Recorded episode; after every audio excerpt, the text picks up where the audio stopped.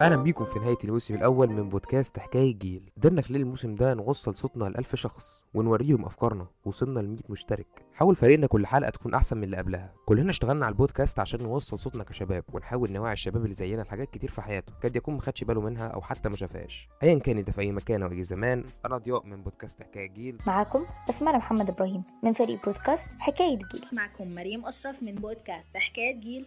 أنا محمود من بودكاست حكاية جيل. هدف البودكاست هو إنه يوعي الشباب.